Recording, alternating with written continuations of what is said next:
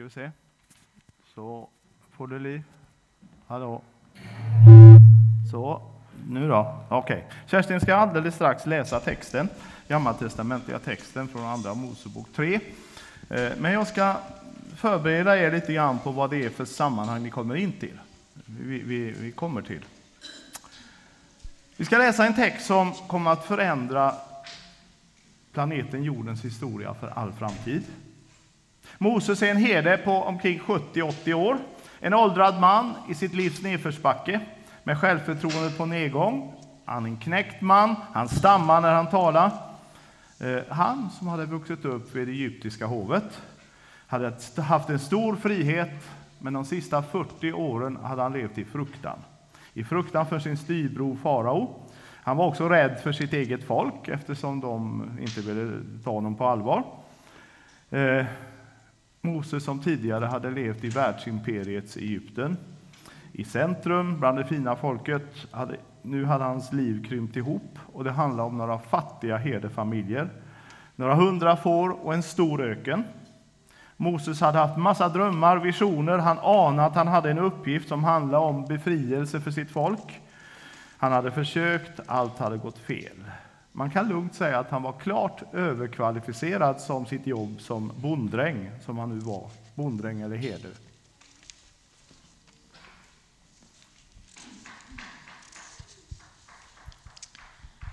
Så jag läser från Andra Mosebok 3, från vers 1, som då är den gammaltestamentliga texten för idag. Mose vallade fåren åt sin svärfar Jetro, prästen i Midjan. En gång drev han fåren till andra sidan öknen och kom till Guds berg Horeb.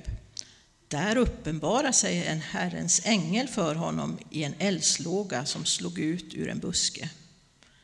Han såg att busken brann av elden utan att den brann upp. Då tänkte Mose, jag måste gå dit och se den underbara synen, varför busken inte brinner upp. När Herren såg att han kom för att se efter ropade Gud till honom ur busken. Mose, Mose! Han svarade, här är jag. Då sa Gud, kom inte närmare, ta av dig skorna, för platsen där du står är helig mark. Och han sa, jag är din fars Gud, Abrahams Gud, Isaks Gud och Jakobs Gud. Då dolde Mose ansiktet för han bävade för att se på Gud. Men Herren sa, jag har sett hur mitt folk förtrycks i Egypten och jag har hört hur de ropar över sina plågare. Jag känner deras lidande. Därför har jag kommit ner för att rädda dem från egyptierna och föra dem ut ur det land, landet, upp till ett gott och rymligt land, ett land som flödar av mjölk och honung. En plats där det nu bor kananéer, hetiter, amoreer, periser, hiver och jebusiter. Nu har ropet från Israels barn kommit upp till mig och jag har sett hur egyptierna förtrycker dem. Så gå nu! Jag ska sända dig till farao och du ska föra mitt folk, Israels barn, ut ur Egypten. Men Mose sa, vem är jag att jag skulle gå till farao och föra Israels barn ut ur Egypten. Han svarade, jag ska vara med dig. Och här är ditt tecken på att det är jag som har sänt dig. När du har fört folket ut ur Egypten ska ni hålla gudstjänst på det här berget. Då sa Mose till Gud, om jag då kommer till Israels barn och säger till dem, era fäders Gud har sänt mig till er, och de frågar mig, vad är hans namn? Vad ska jag då svara dem? Gud sa till Mose, jag är den jag är. Och han fortsatte, så ska du säga till Israels barn, jag är har sänt mig till er. Och Gud sa sen till Mose, så ska du säga till Israels barn, Herren, era fäders Gud, Abrahams Gud, Isaks Gud och Jakobs Gud har sänt mig till er. Det ska vara mitt namn för evig tid och så ska man kalla mig från släkte till släkte. Men jag vet att Egyptens kung inte kommer att låta er gå om inte en stark hand tvingar honom. Därför ska jag räcka ut min hand och slå Egypten med alla slags under som jag ska göra där. Sen kommer han att släppa er. Herre, vi ber dig att ditt ord ska tala in i våra liv. Amen. Det var den här misslyckade mannen som Gud använde för att utföra ett av de största undren som skett i världshistorien. Eh, I samarbete med Moses befriar Gud sitt folk, dela ett hav på mitten, gav folken en lag, ett lag, en moral som var fullkomligt enastående i den dåtida världen. Han förde dem mot ett nytt land, allt inom ett år.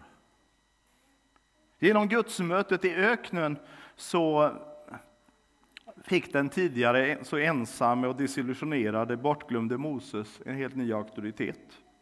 En helt ny roll. Och han fick en, hans roll då i den här befrielseaktionen kom att bli mång, väldigt mångfacetterad. Han blev ledare, befriare, undergörare, domare, lärare, herde, profet, förebedjare och en stor förebild. Men det vill jag till att börja med säga så här. Vem du än är, vad du än har varit med om, tro inte att du är ett hopplöst fall. Tro inte heller att tiden har runnit ut för dig. Tro inte att din situation är hopplös. Tro inte det därför att inget är omöjligt för Gud. Guds namn, när han uppenbarar sig för Moses, det är jag är. Alltså inte jag var, eller jag kommer, utan jag är. Den ständigt aktuelle, den ständigt relevante, den ständigt närvarande. Han beskrivs som den evige, men han beskrivs också som den som är, den som var och den som kommer. I Guds väsen förenas nutiden, dåtiden och framtiden. Och när vi lär känna honom, när vi lever nära Herren, så får vi också ett vidare perspektiv. Berättelsen om hur Gud har uppenbarat sig och verkat genom människor i Gamla, i Nya testamentet och i kyrkohistorien eh, hänger därför samman med vår nutid och vår framtid. Genom att se vad Gud har gjort i historien så kan vi också ana konturerna av de personer som han kommer att använda i framtiden. Allt börjar med att Moses fick möta den Gud som han redan trodde han kände. Notera det. Men han insåg att jag har inte känt Gud i själva verket.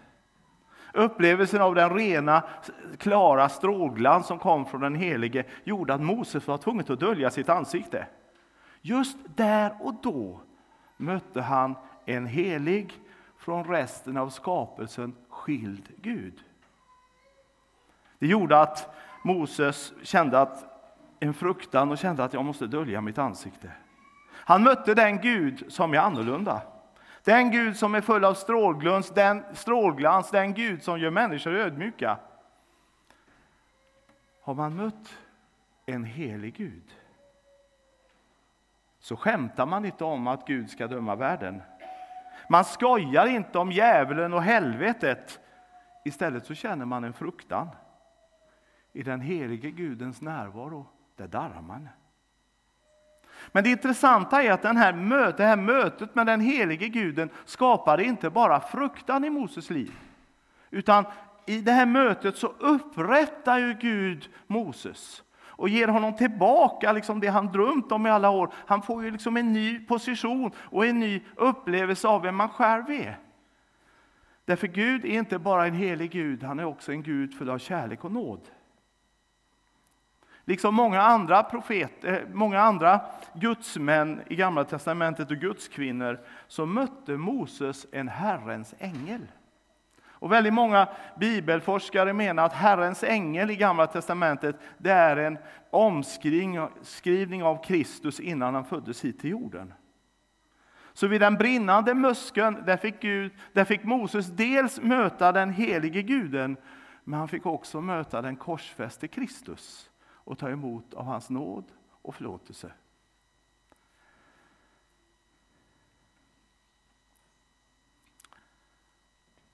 När jag skrev den här boken så fascinerades jag av att de som bar så sa, väckelsens DNA-kod inom sig, de hade gjort samma erfarenhet som Moses. De hade mött en helig Gud. Och Det var en ibland en väldigt lång omvändelseprocess innan de förstod det fantastiska att det är också en Gud som vill ge oss nåd tack vare Jesus Kristus och hans försoning. Jag brukar säga, jag säger det igen, kristendom är världens enklaste religion. För det handlar egentligen bara om en sak. Ta emot Guds kärlek genom Jesus in i mitt liv så att du kan älska dig själv. Och sen ge den kärleken vidare till världen. Och samtidigt är det världens svåraste religion. Vet du varför? För man kan inte lära ut den. Man kan inte tvinga någon på den, man kan inte med bud och lagar liksom pressa fram den. Utan den bygger på att en människa får en egen kärleksrelation med Jesus. Som bygger just på att man har sett, mött både den helige guden men förstått att för att jag ska kunna närma mig honom så behöver jag ta emot nåden hos Jesus. Och den som har förstått, den som har mött en helig Gud, den får ingen liten Jesus utan en stor. Jesus betyder inte bara någon liten en extra krydda i livet utan han blir centrum på något sätt. Luther säger så här att en rätt predikan, en predikan om Kristus, det är en balans mellan att predika lag och evangelium. Att predika om Guds helhet och Guds eh, rättvisa och att predika om hans nåd. Man kan aldrig betona Guds helhet för mycket.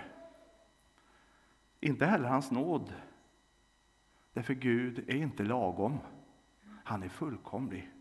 Det står om Jesus att han var full av nåd och sanning. Problemet är när det inte är en balans mellan mötet med Guds helhet och mötet med hans nåd. I ena fallet så blir det en, en lagisk, sträng, eländig kristendom. Eh, och I andra fallet så blir det en, medel, en mjäkig kristendom som också är eländig på sitt sätt. Men, men när vi på något sätt håller upp både vem Herren, att Herren är helig och att han är nådefull, då, får vi, då är det Jesus som kommer i centrum och då blir det sunt. Men har jag verkligen mött jag är, så darrar man. Man döljer sitt ansikte inför honom. Man kan se ibland, tycker jag, på vilka människor som har mött den helige guden. Därför det intressanta är också att inför Herrens ansikte, precis som Moses, där finner vi vår sanna identitet. Den som mött den helige blir också tillgänglig att lyssna på vad han verkligen har att säga. Blir tillgänglig för det livet som Gud har i beredskap för var och en. För det är mötet med en helig Gud som förstått att jag behöver Guds nåd. Det är där framtidens gudsmän och gudskvinnor kommer att formas. Det är så lätt att tro att en väckelse bara kommer. Att det är Gud som sänder och helt plötsligt så kommer den bara och det är bara en känsla hos massa människor. Eller, eller så. Men jag tycker inte det, när jag har studerat och forskat i det här, tycker jag inte mig kunna se det. Utan på samma sätt som världshistoriens, ett av världshistoriens första, största under börjar med att Gud, Moses får möta Gud i den brinnande busken. Och han fick be redskapet för han sa ja till Guds kallelse. På samma sätt så kan vi se till exempel i Sverige, när väckelsen börjar i Sverige. Det börjar med att några stycken, faktiskt inte så många, människor sa sitt ja till Guds kallelse. De mötte den helige Guden, de tog emot hans nåd och de blev förvandlade. Och de började predika, de började dela detta. Och de var faktiskt inte så många, men det spred sig. Och så är det att Gud utväljer människor. Å ena sidan så älskar han alla människor, å andra sidan är han personlig så att han har en speciell kallelse för varje människa. Och Det handlar om att säga ja till den kallelsen eller nej. Många väckelser har börjat med människor, kristna människor som trodde de kände Gud. Varit engagerade i kyrkan och som präster och som lekmän. Och så helt plötsligt har de mött den helige Guden och förstått att Gud är inte som jag trodde. Till exempel väckelsen i Östafrika som eh, höll på i, ja, på 70-talet hade den hållit på i 30 år. Den har nog fortsatt för sig. Jag läste en bok som heter Festo Kivengere, en biskop som blev dödad av Idi Amin, blev martyr. Men han berättade om att eh, väckelsen började, han kunde peka bakåt på en person. Det började när han fick möta Herren, den helige Guden, och så förvandlades han och så gick det vidare. Och vi kan se det likadant i Etiopien till exempel. Och vi kan se det likadant om vi går tillbaka 200 år i Sverige. Och Festo Kivingere han sa så här. Om du tycker att din kyrka inte är som den ska, peka inte finger mot den, utan fråga dig istället, lever jag i Guds kallelse? Lever jag i Guds fullhet? När Gud kallar Moses så tvekar han. Han undrar, vem är jag? Och det är en rättmätig undring, undran. Men vet du vad Gud sa till honom? Gud sa inte till honom, ja men det, det, är klart att du kan, du har utbildning och du är duktig och du kan det och det. Han sa inget om det. Vet du vad Gud sa? Han sa, jag ska vara med dig. Och det är liksom hela hemligheten att bli den, du har, den Gud har kallat dig att vara med. Eh, den Gud har kallat dig att vara. Det är att liksom, du räknar med att Herren ska vara med mig. För det är bara tillsammans med Herren jag kan bli den, vara den människa som Gud verkligen har skapat mig för att vara. Så Herren talar om för Moses vem han var och vad han ville göra. Och när Moses efter stor tvekan lät sig övertalas och säga ja till Guds kallelse, så är allt förändrat. Den här mannen som i 40 år har levt ett undanskymt liv och levt i fruktan, den här mannen stegar i fruktan för, för fara och sin styrbror antagligen var det, var det det. Han stegar upp inför farao, han stegar upp liksom med hela det här världsimperiet framför sig och så utmanar han dem. Inte en gång, inte två, inte tre, utan tio gånger. Någon har sagt så här. Den som har darrat inför Gud darrar inte inför människor. Där det finns mycket gudsfruktan finns det lite människofruktan och vice versa. Men hur möter man den helige guden? Hur möter man den nådefulla guden? Ja, det är mycket intressant faktiskt att se vad det är som, liksom, hur det kom sig att Moses fick möta honom där vid busken. Moses brukade ju vara med fåren i den här öknen. Och han hade speciella betesplatser dit han förde sina får. Och jag vill säga så här från början, det är helt okej okay att vi har vanor. Vi, vi, skulle inte överleva om vi inte hade tydliga vanor.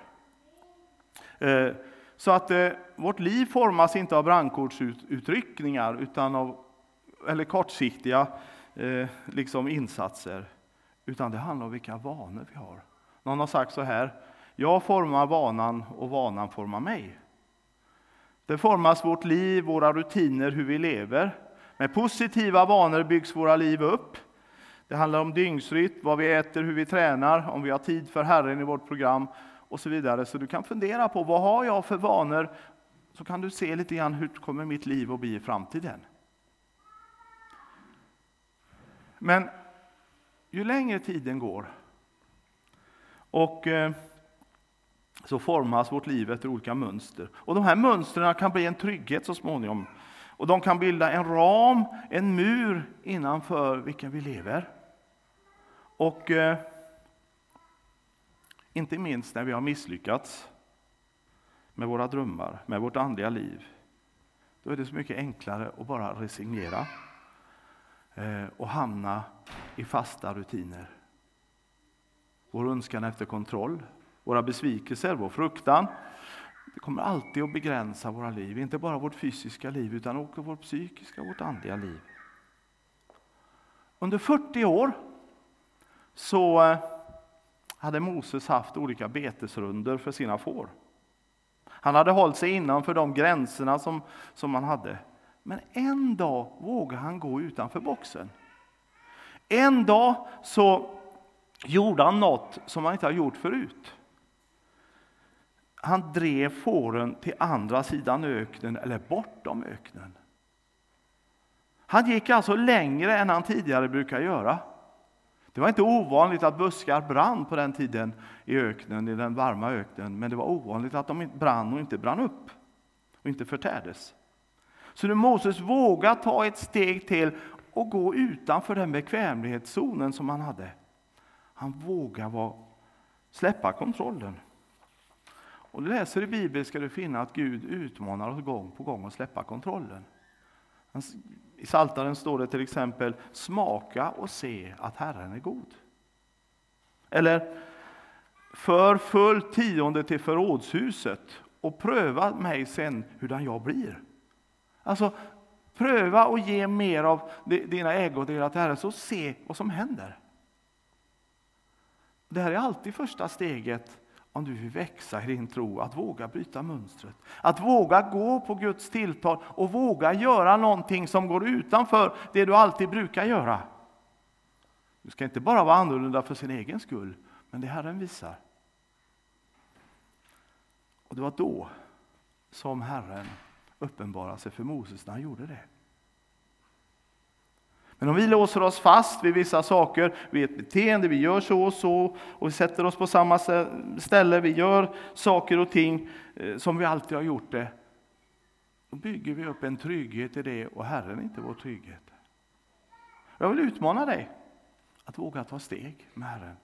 Du som brukar sitta längst bak varje söndag, pröva att sätta dig längst fram eh, tio söndagar och se hur du upplever gudstjänsten om den är annorlunda. Du som eh, har jobbigt med ekonomin, pröva att ge tionde av allt du tjänar till Herren eh, och se vad som händer, om han kan försörja dig. Eh, och du som brukar ge tionde, jag säger inte ge tjugonde för det är tvärtom, utan ge femtedel istället. Se vad som händer. Därför Gud vill tala om för oss att jag är god och jag har goda tankar och jag vill lära dig leva i förtröstan på mig.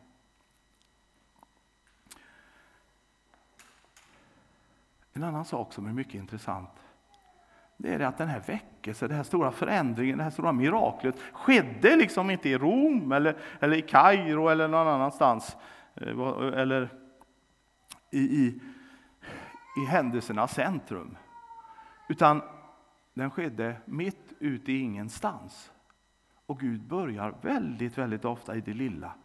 Johannes döparen eh, fick starta väckelse som förberedde Jesus in the middle of nowhere. Eh, det var inte Uppsala domkyrka väckelsen började i Sverige som förändrade Sverige, utan det var på en loge i en by norr om Piteå, i Porsnäs. Det var på ett värdshus inte långt från Hälleberga, mitt i det mörkaste Småland. Det var i ödemarken uppe i lappmarken i Karesuando, borta från all ära och redlighet. Det var i dyngan, i fattigdomen, i superiet i Östraby och Västerstad utanför Hörby. Där började väckelsen. Och där och på andra ställen börjar väckelsen. Och så gör Gud väldigt ofta. Men när det blir känt att Peter Wieselgren, som var en av de här väckelseprästerna, när, när det blir känt vad som hände i den bygden när han predikade Guds ord så människor i skaror omvände sig och slutade supa, så spred det sig över hela landet ryktet och han fick åka och berätta och predika. Öknen blev helig mark. Ta av dig skorna för platsen där du står i helig mark. Och här är något väldigt intressant. Därför att just där Moses hade mött Herren vid busken, vid samma berg på samma plats, för han sitt folk ett år senare och de får lagen och de får liksom hela det gamla förbundet av Gud. Eller vet du, på det bergsmassiv där Gud en gång eh, manade Abraham att offra sin son eh, för att relationen mellan honom och mellan Gud och människa skulle bli okej. Okay. På samma bergsmassiv eh, där offrar Gud sin son Jesus på Golgata. Och Det som har hänt på en plats kommer alltså att påverka, gott eller ont, kommer att påverka vad som händer sen. Och jag kan berätta för att orsaken till varför vi inte, jag hade tänkt starta EFS när vi flyttade till, till Knippra nu. Men historien bakåt handlar om att det var en det blev en splittring för 100 år, knappt hundra år sedan där EFS och pingst var så här. Och det finns i minnet, i, underförstått i, i folks medvetande. De äldre lever i detta fortfarande. Och därför känner vi att vi ska inte gå in i det. Därför vi, vi kan liksom inte gå in i det, för då skulle vi stadfästa någonting. Vi har bett om förlåtelse och försoning för detta, och, och, och men samtidigt så leder Gud oss på, på vägar som är är mycket spännande. Men det finns alltså ett, en koppling till geografin på många sätt, gott och ont. Du har säkert hört talas om att människor kan prata om, om hemsökta hus, det vill säga det har hänt något negativt i det huset, kanske ett självmord eller mord eller någonting. Och, och eh, så, så, så, förstår väldigt många sekulära svenskar att det är något speciellt där med den platsen. Men det intressanta är att där väckelsen en gång har gått fram har den en tendens att kunna återkomma på ett alldeles speciellt sätt. Det är nästan så Gud verkar ha optionsrätt på den marken där människor vänder om, ber om förlåtelse och söker honom. Och just den här, just den här geografiska biten i Bibeln kopplad med det andliga finns faktiskt väldigt tydligt. Till exempel i Hesekiel 36 finns en profetia som handlar om att Gud ska föra tillbaka sitt folk till sitt land och hur han upprättar sitt folk. Men så här börjar profetian. Människobarn profeterar för Israels berg och säg, ni berg hör Herrens ord. Ni Israels berg hör Herrens ord. Alltså, det finns en koppling mellan det andliga skeendet på en plats och vad som har hänt tidigare i historien. Kjell Sjöberg känner en del av er till. Han var här när vi just hade startat församlingen och hade ett möte. Han var bror till Kjell Sjöberg. Han hade en internationell bönetjänst. Han reste runt i världen. Ja, ja, inte bror till Kjell. okej. okay. Bror till Stanley Sjöberg. Ja. Han, eh, och, och, och vid ett tillfälle så upplevde han och andra bedjare att de skulle åka, och så åkte de till Moskva. Och så bad de att så, så tala rakt upp och ner att nu ber vi i Jesu namn att Sovjetimperiet faller sönder. Eh, två år senare så vet jag att det bara upplöstes. På en bönekonferens i Frankfurt 1986 så upplevde de att Gud sa att Berlinmuren kommer att falla. Och en del av er känner Tim Tutt som leder lovsång här ibland. Han var med, han var med gjorde praktik i en pingkyrka i Berlin på våren 1989. Och eh, eh, där hade man en bönensamling och så bad man i Jesu namn så ber vi att Berlinmuren ska falla. Och Tim har berättat för mig att jag har aldrig känt mig så överandlig i hela mitt liv. För att ni som har varit i Berlin under kalla kriget, jag var där några gånger och åkte igenom den här muren. Det fanns ingenting alls som tydde på att den muren skulle falla. Och så bara några månader, ett halvår efter de bad här, så vet jag att muren bara försvann.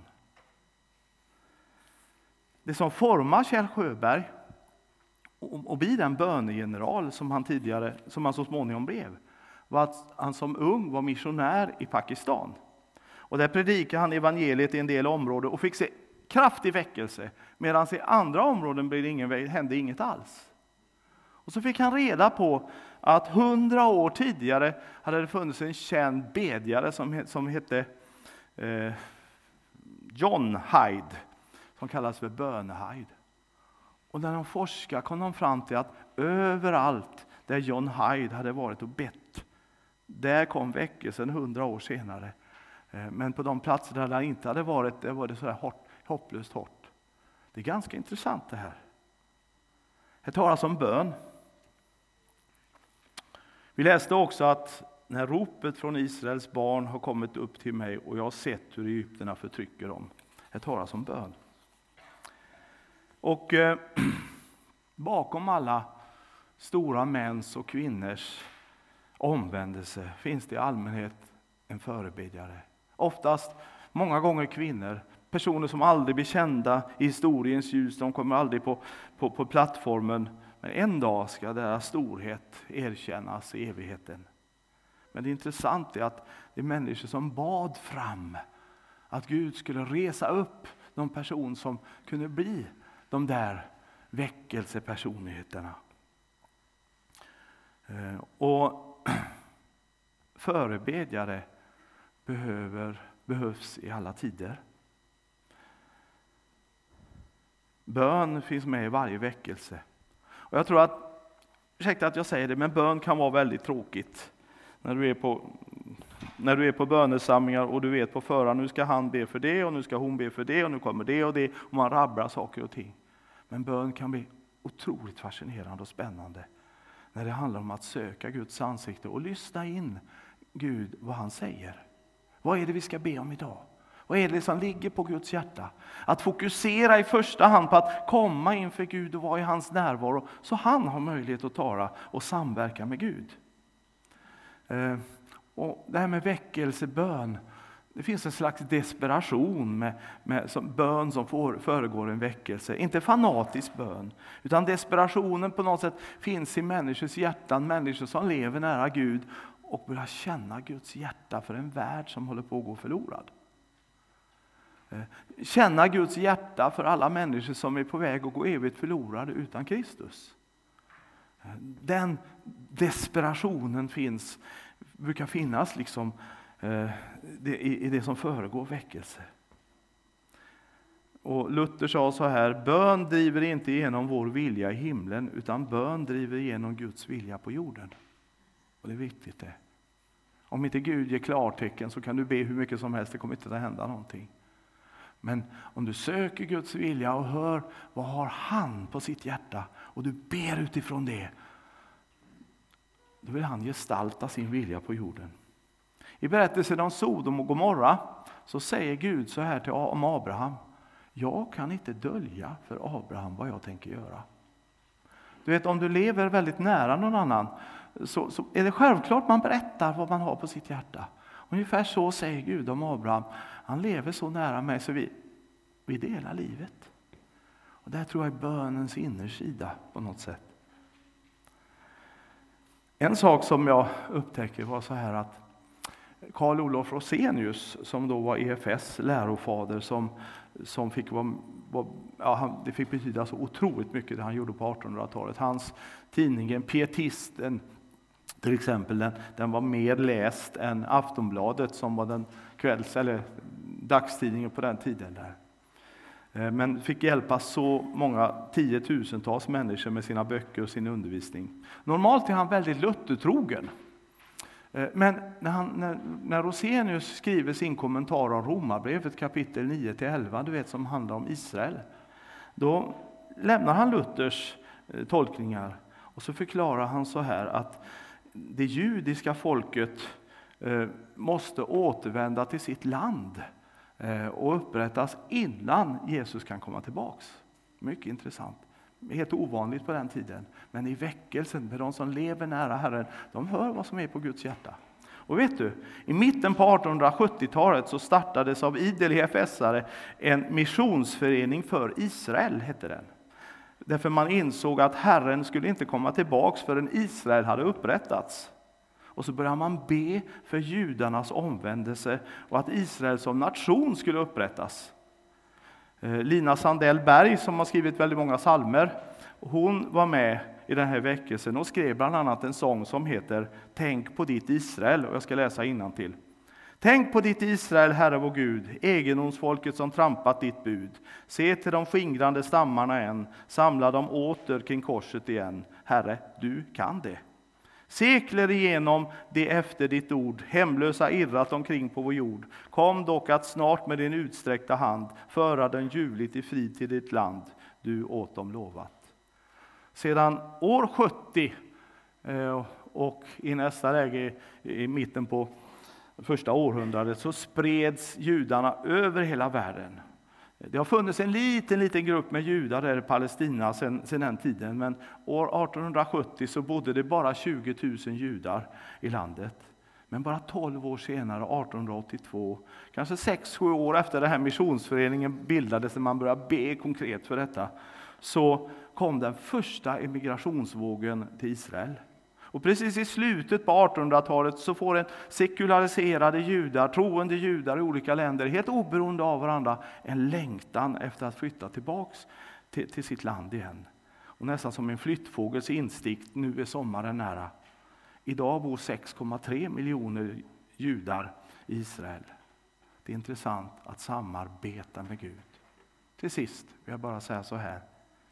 Gud säger Därför ska jag räcka ut min hand och slå Egypten med alla slags under som jag ska göra där. Sen kommer han att släppa er. Till slut, oavsett hur vi förklarar det och vi ser bakgrunden, så är det ändå Gud som, som sänder väckelsen genom Men han använder våra böner, han använder människor som går, är beredda att gå hans vägar. Men det är till slut Guds välsignelse och Guds smörjelse som, där Gud själv griper in. Amen. Herre, jag tackar dig för att du är en god Gud. Jag tackar dig för att du är en helig Gud. En fruktansvärd Gud som, som inte kommer låta det ondskan regera. En, en Gud som, som kommer att låta godheten, sanningen, ljuset, livet regera i evighet. Tack för att du dömer ondskan och du kommer att straffa den. Men tack för att du är full av nåd också.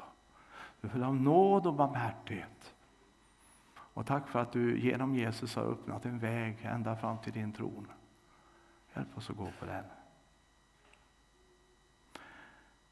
Vi ska alldeles strax gå in i en stund av, vi ska avsluta med lovsång och vi ska